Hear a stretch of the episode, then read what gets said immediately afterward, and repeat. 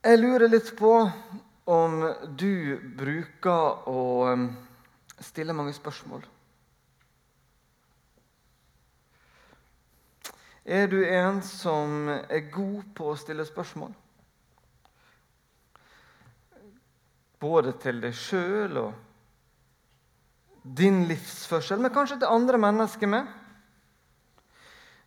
De av oss som er omgitt av barn, vet jo det at eh, de kan stille ganske mange spørsmål. Eh, du kan jo av og til lure på om du går an å få gnagsår i ørene når det er som, som verst. Altså. Det er så mye spørsmål. Men hvorfor stiller de da disse spørsmåla? Jo, det er for de ønsker å lære noe. Jeg tror kanskje at eh, når vi blir eldre, så går vi glipp av noe der. Altså, vi blir ofte eh, ja, Vi liker kanskje mer å sitte med fasiten enn å stille spørsmål. Men kanskje skulle vi tørre å stille litt mer spørsmål. Lure på folk. Hvorfor, hvorfor gjør du som du gjør? Hvorfor tenker du slik? Tørre å utfordre mennesker rundt oss i større grad enn vi gjør. Jeg tror at det kunne hatt veldig mye for seg om vi kunne gjøre litt mer av det. Religiøse diskusjoner det fins det ganske mye av.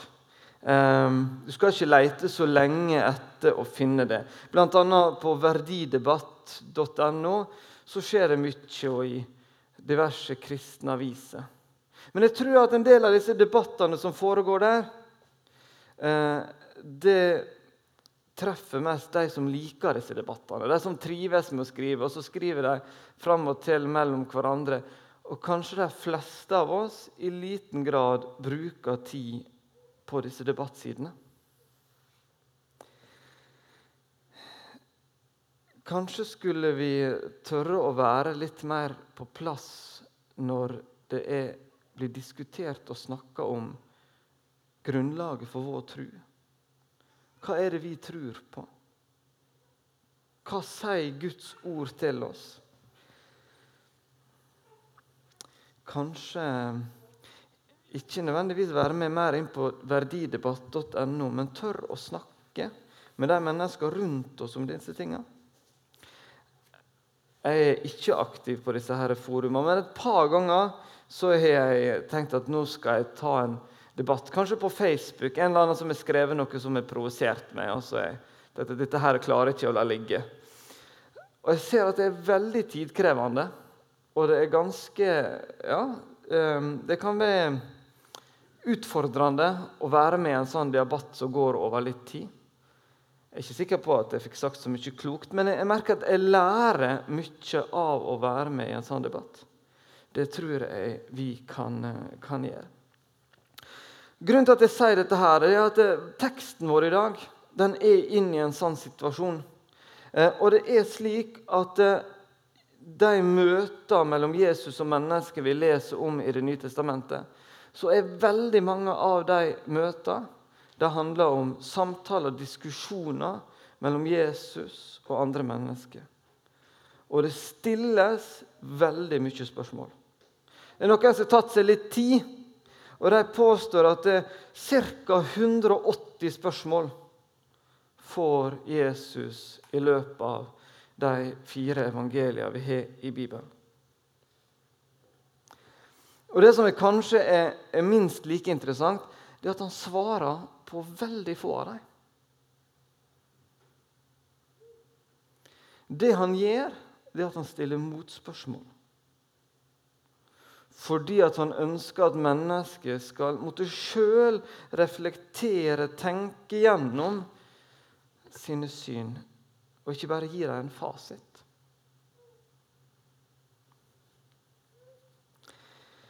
Teksten vår i dag den er fra Markus 12, 28-34. Og Da kommer vi rett inn i en slik diskusjon. I, i Markus, som vi leser så, vi, så vi skal lese han, så virker det som han er en ganske fin og grei tone. Eh, men den samme, samme debatten blir gjengitt i Matteusevangeliet. Og Der får vi inntrykk av at det er en litt sånn tøffere tone. Um, Og så går det an å tenke at det, kanskje begge deler er veldig riktig. For det er ofte slik at i en diskusjon så kan vi oppleve det forskjellig. Noen kan oppleve det her som veldig greit, mens andre kan oppleve at tonen ble litt eh, hard. Vi leser. En av de skriftlærde som hadde hørt på dette ordskiftet og lagt merke til hvor godt Jesus svarte, gikk bort til ham og spurte. Hvilket bud er det første av alle? Jesus svarte. Det første budet er dette. Hør, Israel. Herren vår Gud. Herren er én. Du skal elske Herren din Gud av hele ditt hjerte og av all din sjel og av hele ditt sinn og av all din kraft. Det andre er dette. Du skal elske din neste som deg selv. Ikke noe annet bud er større enn disse. Den skriftlære sa til han, Du svarer godt, mester. Det er sant som du sier, Herren er én, og dette er ikke noen og det er ikke noen annen enn Han.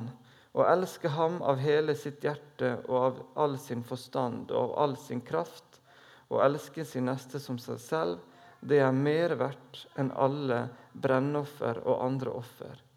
Da Jesus hørte hvor klok han, hvor klokt han svarte, sa han til den skriftlærde.: Du er ikke langt borte fra Guds rike. Og ingen våget å spørre ham mer.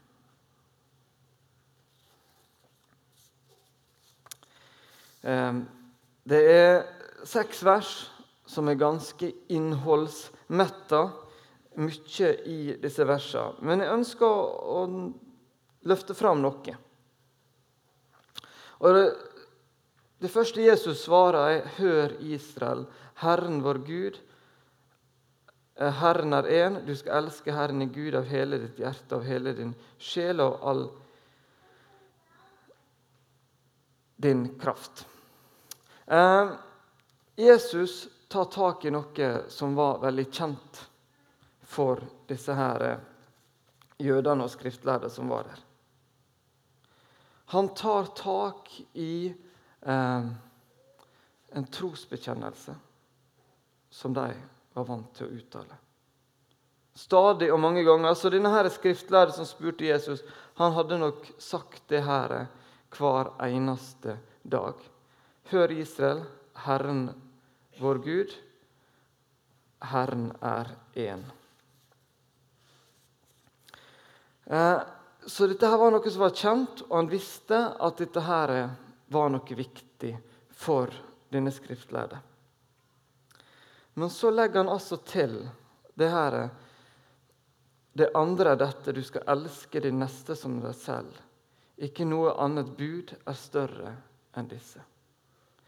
Der står noe i 5. Mosebok 10 som ligner litt. Men egentlig så er dette første gangen at Jesus tar disse to tinga og så holder de sammen.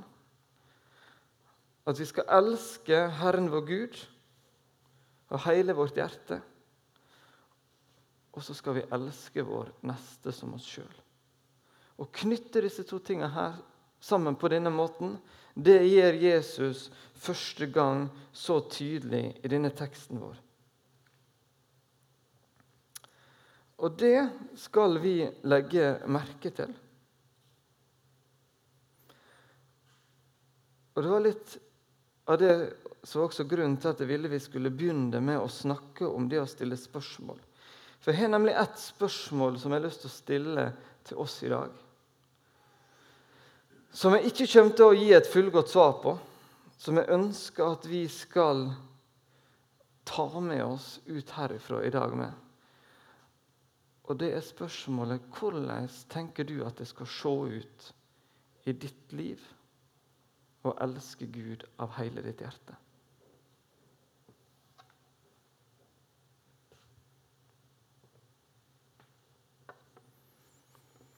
Det sto i teksten både hjerte, forstand, kraft Disse her forskjellige tingene. Det står at det kan være et bilde på et helt menneske.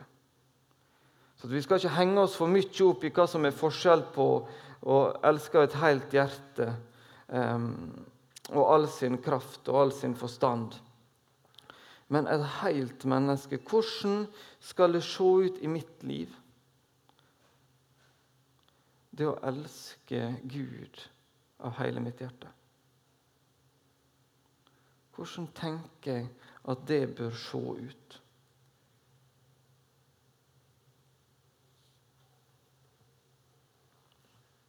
Er vi innstilt på det? Er vi klar for å elske Gud av et helt hjerte? Hvis vi må svare nei på det spørsmålet, hvorfor vil vi i så fall gjøre det? Og hvis vi svarer ja på det spørsmålet, hvordan skal det da se ut?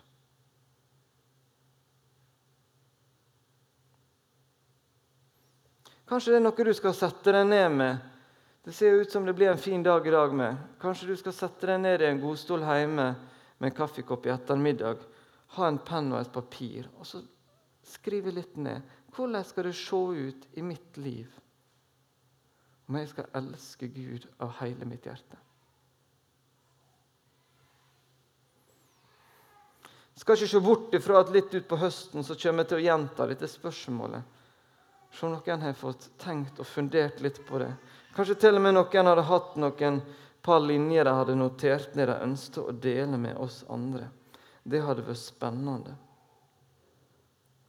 Jeg tenker at Det å ha noen konkrete tanker om hva det vil si i mitt liv å elske Gud av hele mitt hjerte, det tror jeg må være en bra ting. Vi har å gjøre med en Gud som liker orden, som liker system. Det at vi kan ha tenkt noen konkrete tanker på det her, det tror jeg vi skal etterstrebe.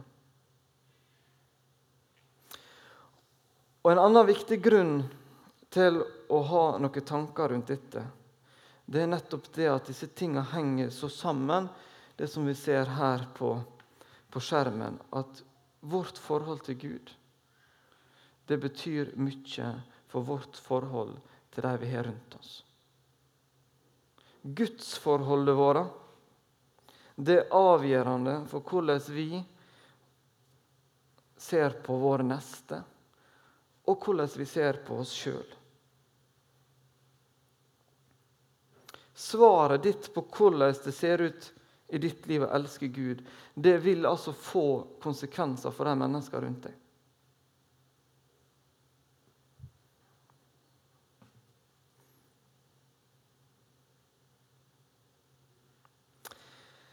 For det er noe med det her som, som, som gjør at um, det skiller seg mye.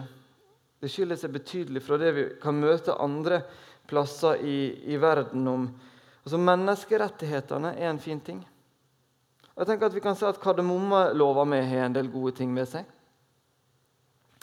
Men det er noe med grunnlaget for vårt menneske, for vårt forhold til våre medmennesker som blir helt annerledes når vi på en måte leser det her bibelverset her.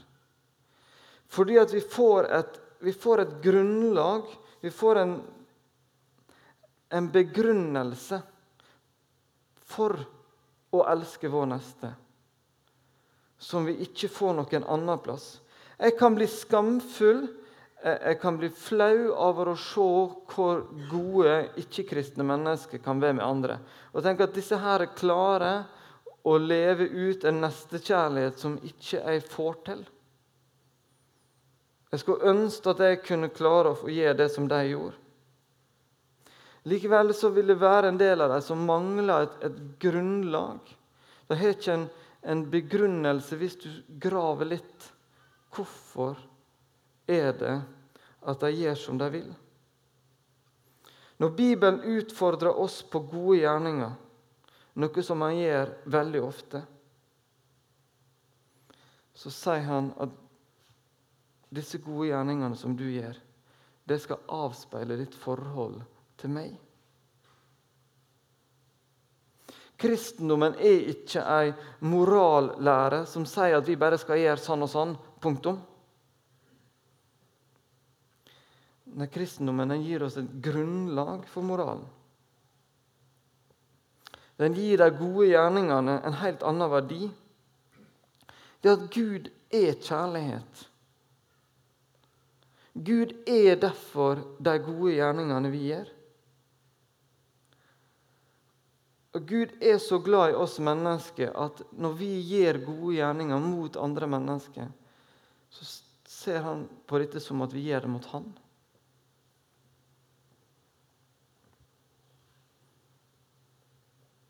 Det handler altså om en livsstil som henger sammen med vårt gudsforhold.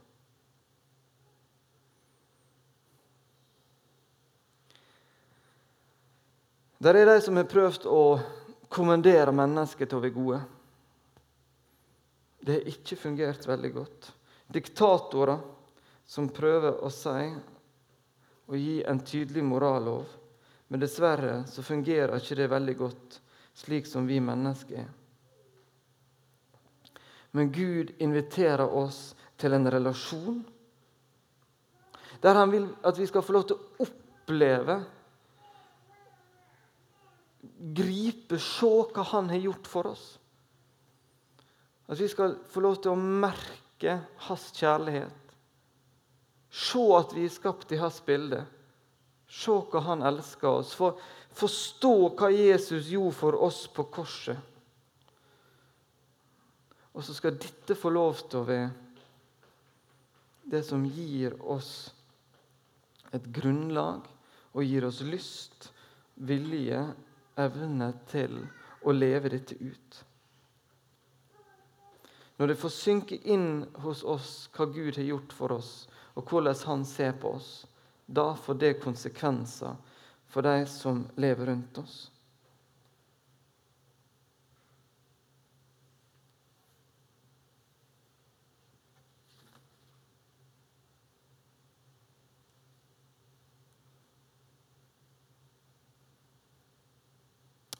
Den skriftlærde som blir løfta fram som en klok mann i teksten vår. Han hadde forstått det, at det handla ikke om disse ofringene. Det var ikke brennoffer og andre ofringer som gjorde Gud glad. Vi har nok hatt vår, våre historier fra i vår kirkehistorie med, med mennesker som kanskje har vært opptatt av å nærmest skryte av hvor de har pint seg sjøl for å framheve Gud. Men det er ikke slike ting Gud ser etter.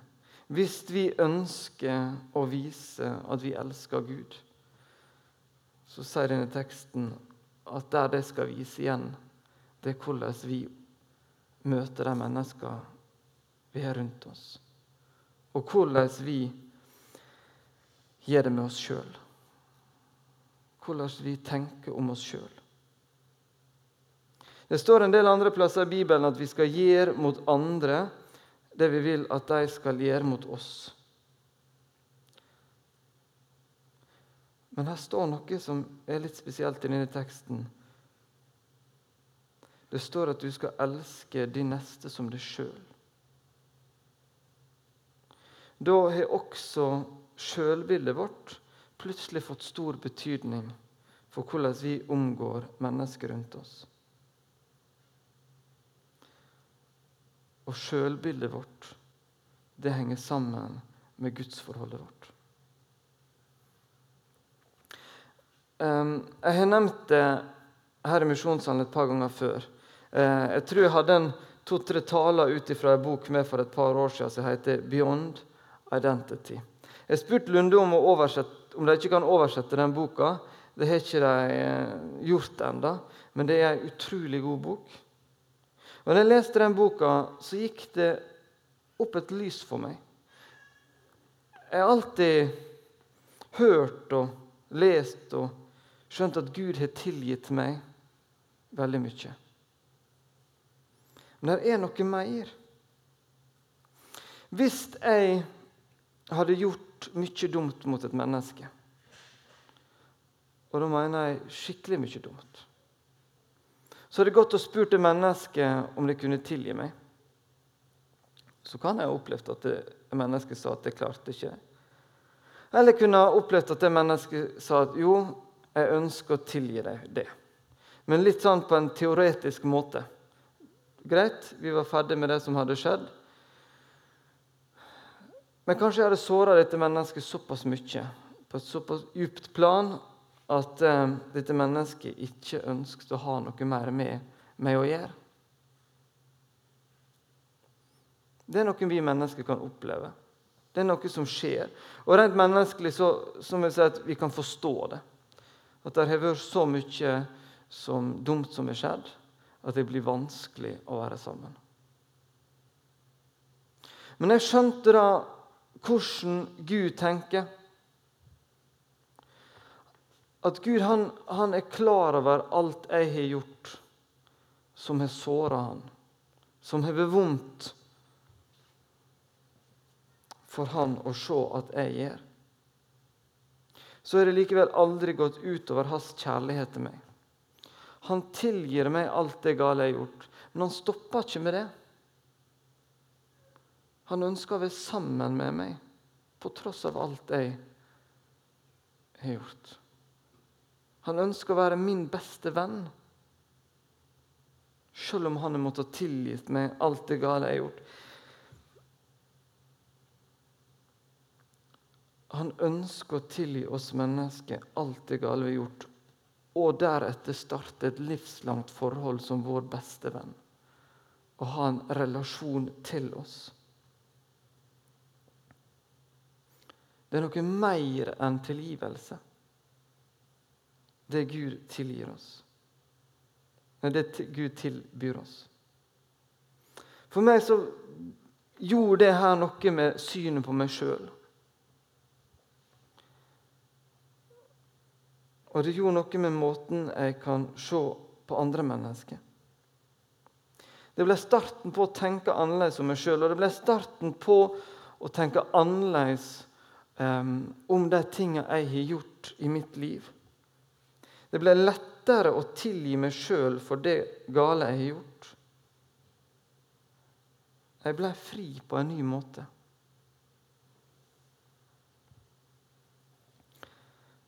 Og jeg tror, og jeg vet, at noen av de som lever tettest på meg, har sagt at dette fikk endringer for noen av mine nærmeste. At jeg fikk se det her på en ny måte.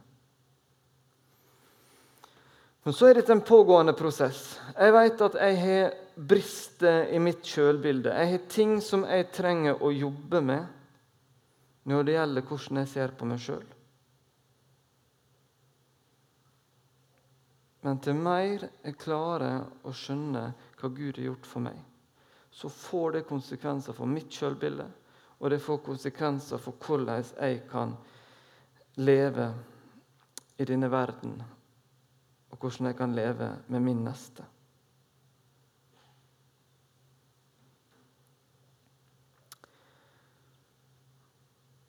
Teksten den avslutter på en litt spesiell måte. Jeg må si kanskje litt vanskelig måte. Jeg måtte jobbe litt med denne avslutninga der. For Jesus sier jo at denne mannen her var en veldig klok mann. Og så sier han Da Jesus hørte hvor klokt han svarte, sa han til den skriftlærde.: Du er ikke langt borte fra Guds rike. Du er ikke langt borte ifra Guds rike.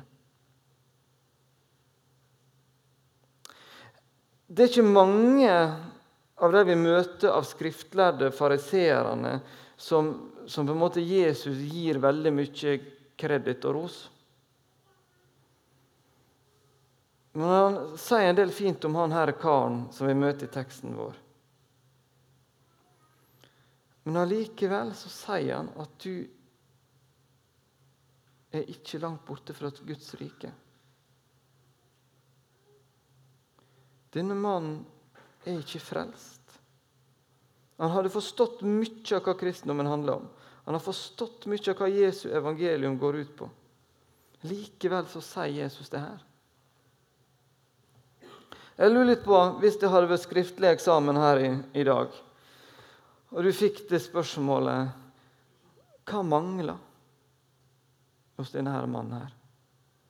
Hva var det som gjør at Gud, når Jesus sier at det, det mangler noe på at han er frelst?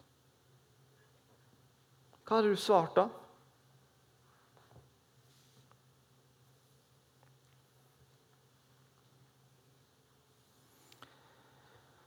Jeg er ikke sikker på at jeg har fulle og gode svaret på det. Men eh, vi kan finne andre plasser i Bibelen at det står om fariseere at de sa at Jesus er Davids sønn. Og Da sa de på mange måter at han er Messias, at han er frelseren. Men de hadde ikke gjort han til sin frelser.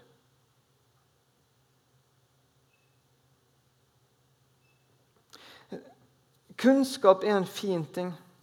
Jeg tror at For de som bruker mye tid med Bibelen, lærer mye om Guds ord, så er det en meget god hjelp i livet. Men det er ikke den kunnskapen som frelser oss.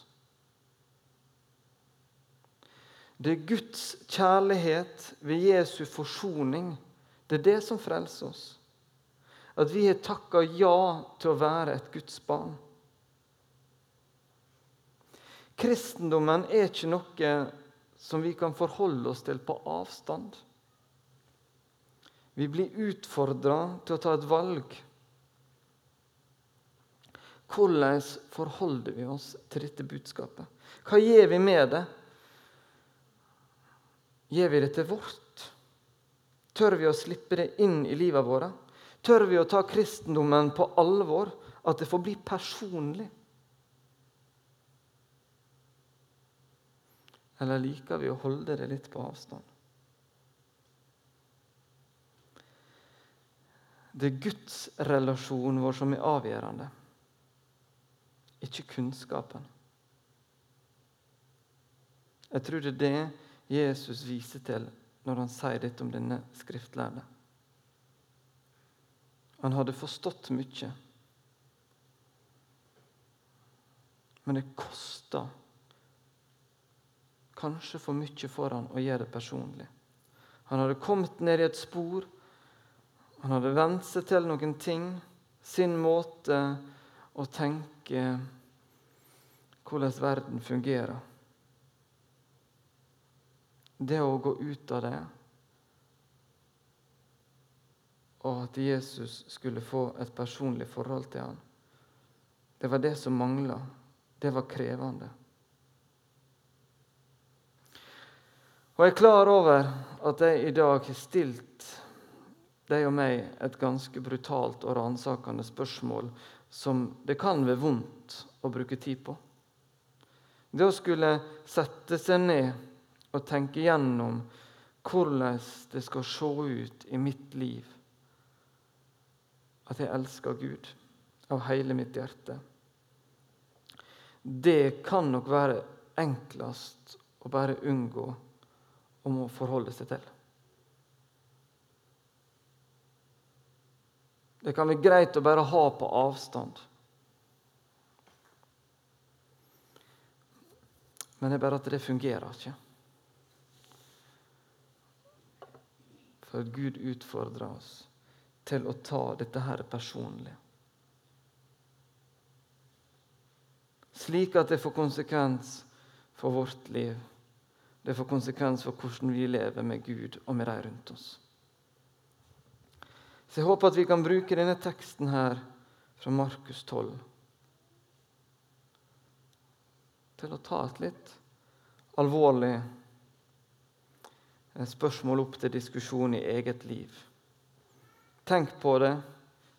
Be over det. Snakk gjerne med de du lever tettest med.